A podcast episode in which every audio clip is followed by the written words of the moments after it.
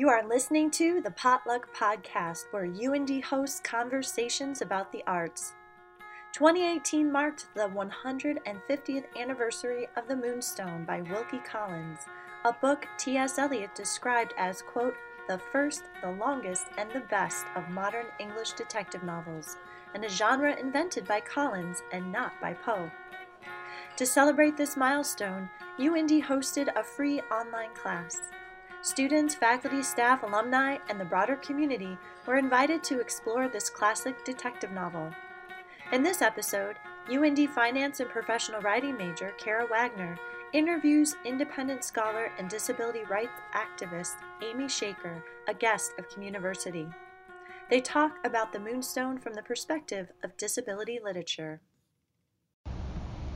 Hi everyone, my name is Kara Wagner. I am an upper level English major and I'm taking um, the community Communiversity course this year that's studying on Wilkie Collins's The Moonstone.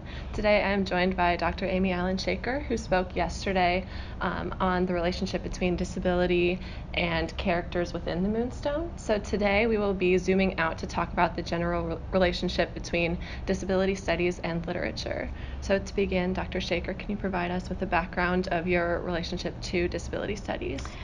Well, I, I have my PhD in French literature.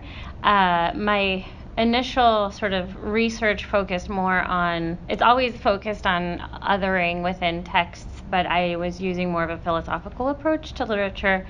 But as I uh, progressed through my career, disability became more of an issue in my career and the ways in which basically academia is kind of an ableist institution, which we can talk about.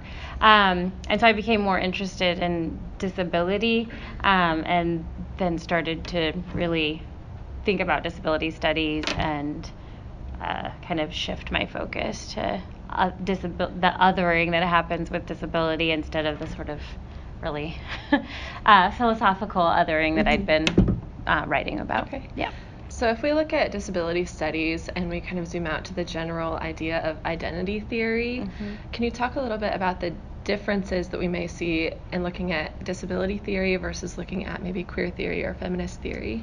Right. So, uh, disability studies is a relatively new field in terms of um, critical theory.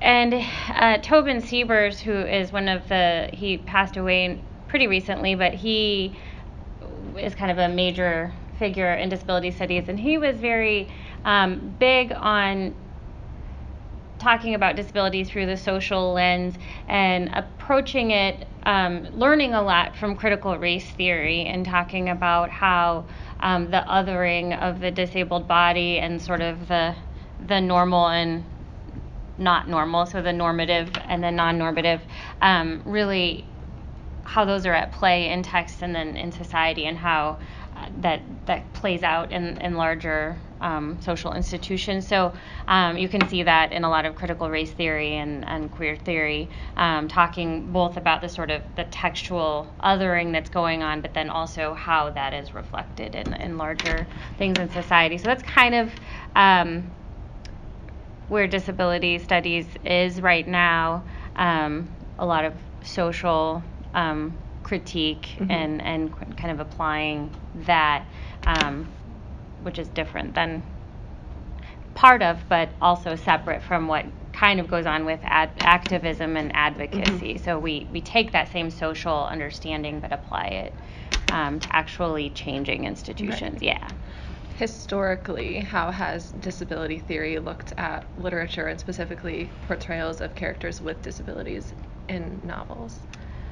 So before before yeah, like historically. Um, well, um, I think the the interesting thing, and I think this is a question that a lot of people doing queer theory, feminism, race, critical race theory, post-colonial theory always ask: Can you engage in that kind of literary criticism if you're not part of that minority group? So can you do critical race theory if you're not a racial minority?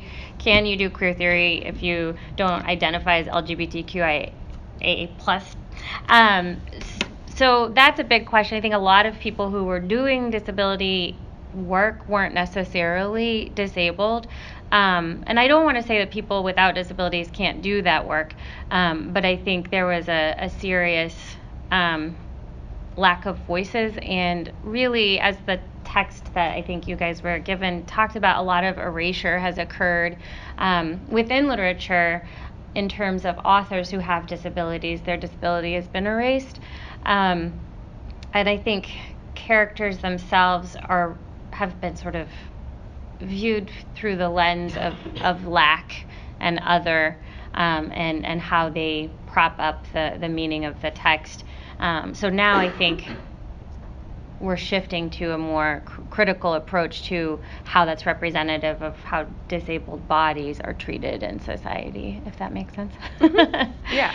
So another um, correct me if I'm wrong. So David Mitchell, another person with um, who's kind of developed a theory of disability, um, has mentioned that characters with disabilities are limited to the purpose and the intent that they can serve within a novel. Yes. That a lot of times they are um, killed off, so to say, or they are not really. Um, they're rarely protagonists right. of novels. yeah. Um, can you speak to that, and if we have seen a change or a shift in recent years to allowing um, well, I think that there is still, and this is, I think one of the, the issues is a lot of disabled characters, again, are written by people who don't identify as having a disability. And so you you tend to see disability as a tool in that text. So this is representative of you know that this character is to be pitied when this is sort of I mean, I'm I'm kind of keep going back to Tiny Tim. I mean, his function in A Christmas Carol is very specific about, um, you know, Scrooge's transformation, and he is this sort of inspirational character. So usually when we talk about portrayals of portrayals of disabled figures, we're, we're talking about how they are used as a tool to send messages to able-bodied people. So, uh, and that's not even just literature. That's the mass media. A lot of memes in disability activism and, and advocacy. We call that inspiration porn because it's the op- it's, it's true. uh, it's the objectification of disabled bodies for the use of people without disabilities to feel either better about themselves or um, to kind of reject disability. Um, so I think that's kind of been the historical approach to literature. Again, is like how is this this character a prop? Um, I'm not sure that. I think that so, in some ways it's getting better. We're seeing a few more narratives that are written by people with disabilities, um, but still, I mean, if you think of um, the curious incident of a dog in the night, so there's been a lot of autism um, literature, but a lot of people within the autistic community, the self advocates, are talking about this is not an accurate representation of who we are, um, that there, there's this, still this stereotyping going mm-hmm. on, and I think that tends to happen in, in literature. Um, so with the autism, and then um, there's that sort of magical nature of of the the disabled character. A, lot of dwarfs in literature are magical. Um, like a prayer for Owen Meany, if anyone's read that, he has a form of dwarfism, and so there's. I think it's not going to change until we're actually starting to see more people with significant disabilities writing texts and portraying characters. There is a French memoir um, called The Diving Bell and the Butterfly, which was actually dictated by somebody who had locked in syndrome and his eyes were the only thing that functioned in his body. So he dictated it by someone would say the alphabet in order of, the, of prevalence in the French language, and so he would blink when they got to the the letter that he wanted to start the word with, and then it would. So it took him obviously a while to dictate his memoir, but it was it was really interesting because it was for me, when I read it, a very non ableist memoir, it was a story of loss of how he lost his ability, but then how he discovered pride with that disability. Um, but he passed away, he got pneumonia, and it was very interesting. A lot of the response was, oh, how sad, because he was starting to get better. So there's mm-hmm. still that life with a disability isn't really worth living. So there's that cure narrative, which mm-hmm. um, is, is another thing. You either die or you're cured, right? So our purpose is to um, to make things happen. Mm-hmm. Um, so I think that stereotyping and that sort of caricature driven yeah. literature is we're still kind of stuck there mm-hmm. um, in a lot of ways. Though I think young adult fiction is making some pretty interesting things happen with disability. So. So, when you pick up a novel or a collection of poetry or anything similar, do you find that you are um, prone to read through a disability lens? And if so, how does that offer certain revelations that you might not mm. get without reading through that lens? But also, what are the limitations of doing so? Yeah, I mean, I think with any theory, you always want to make sure um, that the text is invites that theory, right? So if I if there's clearly nothing going on with disability, I do I don't want to approach that text that way. But sometimes, um, even though there might not be a disabled character in in the text, we can think about the ways in which the narrative um, implies some ableist structures. Um, especially, I think people don't necessarily think of mental illness as a disability. So that's something that we see quite a bit in literature. Um, so so the ways in which mental illness is approached in texts is, is one of the things that I think as I've gotten further into disability studies that I'm always thinking about, okay, um, how is this a disability narrative? And then also now my sort of activist side is how is this an ableist narrative mm-hmm. if it's written by somebody who hasn't experienced mental illness? So how is this reinforcing our a prioris or our preconceived notions about madness or mm-hmm. whatever. Yeah. So, with a lot of these identity theories, um, recently they've kind of been corresponding to activist movements mm-hmm. and movements for advocacy, um, just in general in American society. Is that the same for disability? Has there been a rise in advocacy? Um, I I think, and this is kind of one of the things that drove me to leave academia. I think there's not enough intersection between scholars who are doing disability studies and people on the ground who are um, actively fighting mm-hmm. uh, to change things. So I there was a lot when I left UIndy. I didn't really know what I was going to do. I was like, oh, well, we'll see what happens. And so now I work in the field of disability advocacy, and there is a lot of stuff that I didn't know um, that that is happening. So I think my my academic side informs how I I understand the the broader social implications of that. But I think there's there's not enough um, agitation and agitators within academia because I think a lot of there you know disability affects now the new numbers are one in four people in the United States. It may not all be people with significant disabilities, um, but at least one in four people have some sort of disability, but not everybody's disclosing that disability. Mm-hmm. So I think, much like other minority identities, there's a lot of the burden to shift things within institutions lo- falls on the people who are out and agitating for things, um, which can because there is that pushback. You, are pushing against stereotypes and you're pushing against. Um, I mean, academia is pretty ableist in that it's always asking you to perform more and more and more. And so there's that sense if I ask for accommodations, they're going to think I can't do it. So I'm not going to ask for my accommodation. So there's that sort of um, tension in academia. So I think people who are scholars are not on the ground pushing for, they'll write about institutional reform, but I, I have, there are very few and far between, um, I think, scholars that are on the ground. And a lot of activism with disability happens on the internet because a lot of protests and things aren't accessible.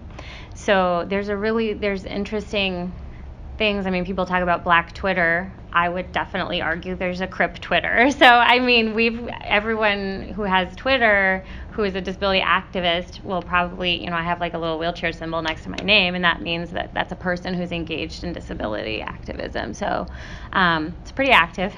so, um, I, have veered off your question. I'm sorry. No, that's totally okay.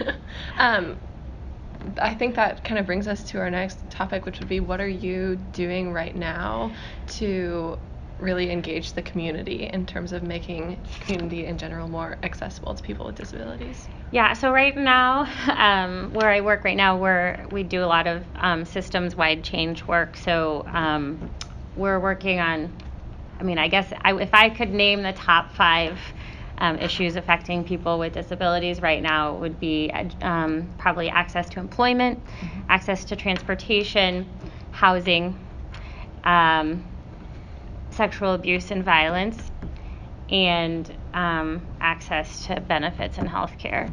Uh, so we're working um, right now on a transportation project to make sure um, a lot of people are and this is where this gets boring. This isn't as sexy as identity politics, right? So, you know, when I'm talking about, oh, social, um, it's really meeting with um, grassroots organizations who are working on transportation. So, if the buses are accessible, but the stops, you can't get to the bus stop, you can't get anywhere. Mm-hmm. And there was just a story in the Indy Star recently about how um, people with disabilities are forced to wait hours uh, for a paratransit ride, which puts their employment in jeopardy, right? So there, there is, it's all interconnected.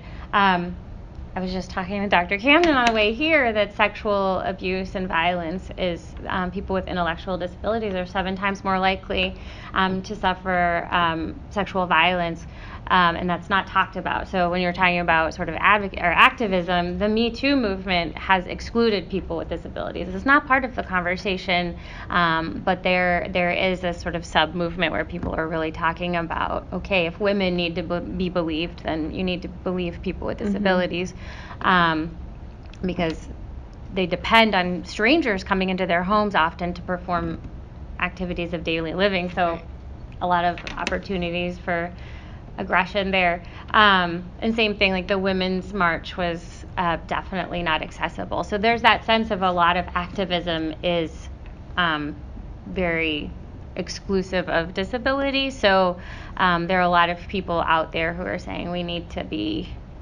invited to these mm-hmm. these protests and, and even within also saying disability rights movements themselves need to be more inclusive of other identities as well. So the so the theme this year of our Whirlings Prize, where we have authors submit their recently published books, is disability. Mm-hmm. So we've had submissions that have covered um, mental disabilities, physical disabilities, um, addiction as well.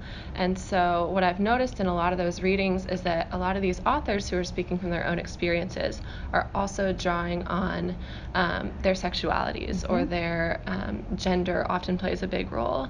Can you speak a little bit about maybe the commonality of this?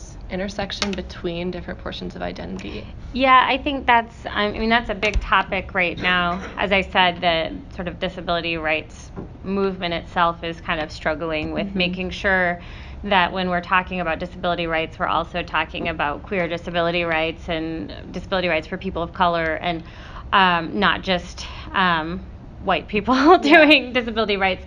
Um, but the ways in which it, it does intersect with gender, um, you know, women with disabilities are, you know, we're fighting the same wage gap everyone else is, but then mm-hmm. we're also fighting um, a wage gap for people with disabilities, and we're also fighting an unemployment rate that's like 40%. So it's, you know, those intersecting identities. Um, you know are, are really important. But a lot of people with disabilities also have multiple disabilities. So um, someone with a physical disability is also struggling with mental illness. Mm-hmm. and um, i think a lot of in a lot of disability spaces where i've been a lot of people will say, well, we're talking about disability right now. We don't need to bring sexuality into it. We don't need to bring race into it. And there's those of us who are pushing back and saying it's that's always a question. That's right. always part of your experience. And when you're telling someone that this is only a disability space, you're asking them to choose only one part of their identity. And that's where I say, I, you know, my experience is as a disabled woman, I don't know what it's like just to be an able bodied woman and have that gendered experience. My gendered experience is also colored by the fact that disabled bodies are desexualized. Mm-hmm. Um, so it's it's a really you have to always think about how multiple identities are coming into play and, and what that means for people. So, for those of us who do not identify as having a disability, and when we're reading literature about characters with disabilities or that are from authors' own experiences of mm-hmm. having a disability, what would you suggest to us in terms of determining like the most important information to glean from reading through that? I think that especially if they're texts written by people with disabilities, I think one of the interesting things to look for is ways in which that disabled character or that experience is sort of subverting um, traditional views of disability. Uh, if you, you know, if that character is not held up as a prop, as this sort of inspirational um, person with a disability who's supposed to overcome whatever trial and tribulation mm-hmm. has been, this overcoming trope that we see a lot. Those are are interesting way, and I think that's if you know if you put a disability narrative written by an able-bodied person and a disability narrative written by an able-bodied person or a disabled person, then you're going to see a lot of differences in the way they're they're portrayed and I think those are that's a valuable thing because then you can start to see places where uh, your own ideas about disability I mean we're always being bombarded with images of disability without knowing it and those color the way we read texts um, because mostly people want to feel good about people with disabilities because it's so stigmatized so then it's easier to swallow if there's that resolution of mm-hmm. death or cure, right? So, um, and that's what. Who's read a prayer for Owen Meany? Has anyone read that? Um, so the character saves everyone at the end, but then dies, right? So it's a, it's a. Sorry if I ruined it, but um, but it, it is that sort of typical, and everyone's like, oh, it's such an inspirational story, and it's you know it's John Irving, and everyone's like, it's such you know it's so lovely. Um, so I I don't know. I think there's that. That hump to get over. So I think people, when you're reading these texts, to really look at ways in which these offer alternative visions of d- disability, mm-hmm. um, that it's a, a, new vision. So I think same thing. If you're if you're reading a text um, about blackness written by a white person versus if you're reading Native Son, R- Richard Wright sees blackness in the 30s completely differently um, than you know I'm trying to think of a text that would be. I'm blanking right now, but there there is that that sense of of um, difference that I think is really important. Mm-hmm. So for students who are enrolled in any kind of class that looks at disability and kind of furthering our education and awareness, what is the your most important advice to keep in mind in terms of how to be a better ally for people with disabilities? Um, well, I should have brought my. I have a handout about being an ally, but um, I think one of the things that we can do is to really look out for places in which ableist language takes over.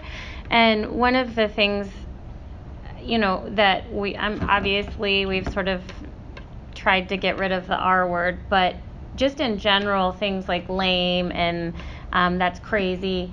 Um, I think you can really start to see as and since I've gotten deeper into disability, I start to see the news in new ways. So as um, people are covering our president's tweets um, and some you know satire news programs or even just general you know podcasts or, or sort of discussion oriented shows will will a lot of times say oh he's unhinged he's crazy he's untrustworthy he can't and that language is really damaging to people with mental illness and furthers the stigma that people with mental illness are suffering um, and and it really detracts from the story at some point so um, and this, I think the same thing when, when people talk about the reporter um, that the president mocked. I mean, there's that sense like we should feel pity for the reporter, but that's not really the narrative that should be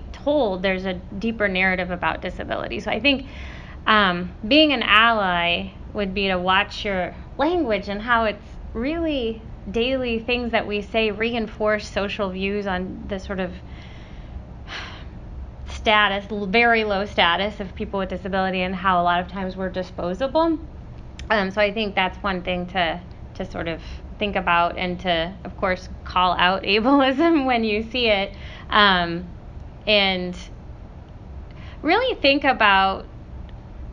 Um, I don't know. I think that we're just we just swallow we consume media so much we're not thinking about memes in particular how we're using disabled bodies to send messages, um, and also just in general. This isn't literature, but films about people with disabilities almost never use disabled actors to portray people with disabilities, and they almost always get an Oscar for doing that. so that is um, inappropriate and there are plenty of people with disabilities who would like to have work so mm-hmm. those are types of things where i think making conscious choices and um, really thinking about i think a lot of people think of disability as a totally physical experience like it's about access to a building it's about access to the door, it's about access to the bathroom. But really, um, once you get in that building, is your are your opportunities equal? Do you have equal ac- access to to um, learning materials if you're in education? Do you have equal access? Um, and what does that mean for your possibilities in society? So I think that's where we really need to rethink. It's not just about does the door work. It's about what we think about mm-hmm. disability mm-hmm. and its worthiness. So that about kind of wraps up my questions, and I have learned so much just from this like 25 minute conversation. Is it 25 minutes? Oh, yes. I told you I could talk forever. So thank you so much for your input. We're going to open it up to questions from Dr. Camden's class now, but um, if you could just give Dr. Shaker a brief round of applause.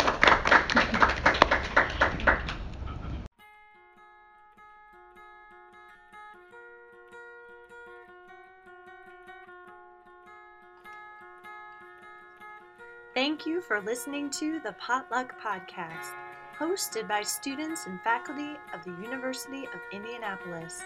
We would like to thank our guests and the Shaheen College of Arts and Sciences. To learn more about the Potluck Podcast and hear other episodes, please visit etchings.uindy.edu forward slash the Potluck Podcast.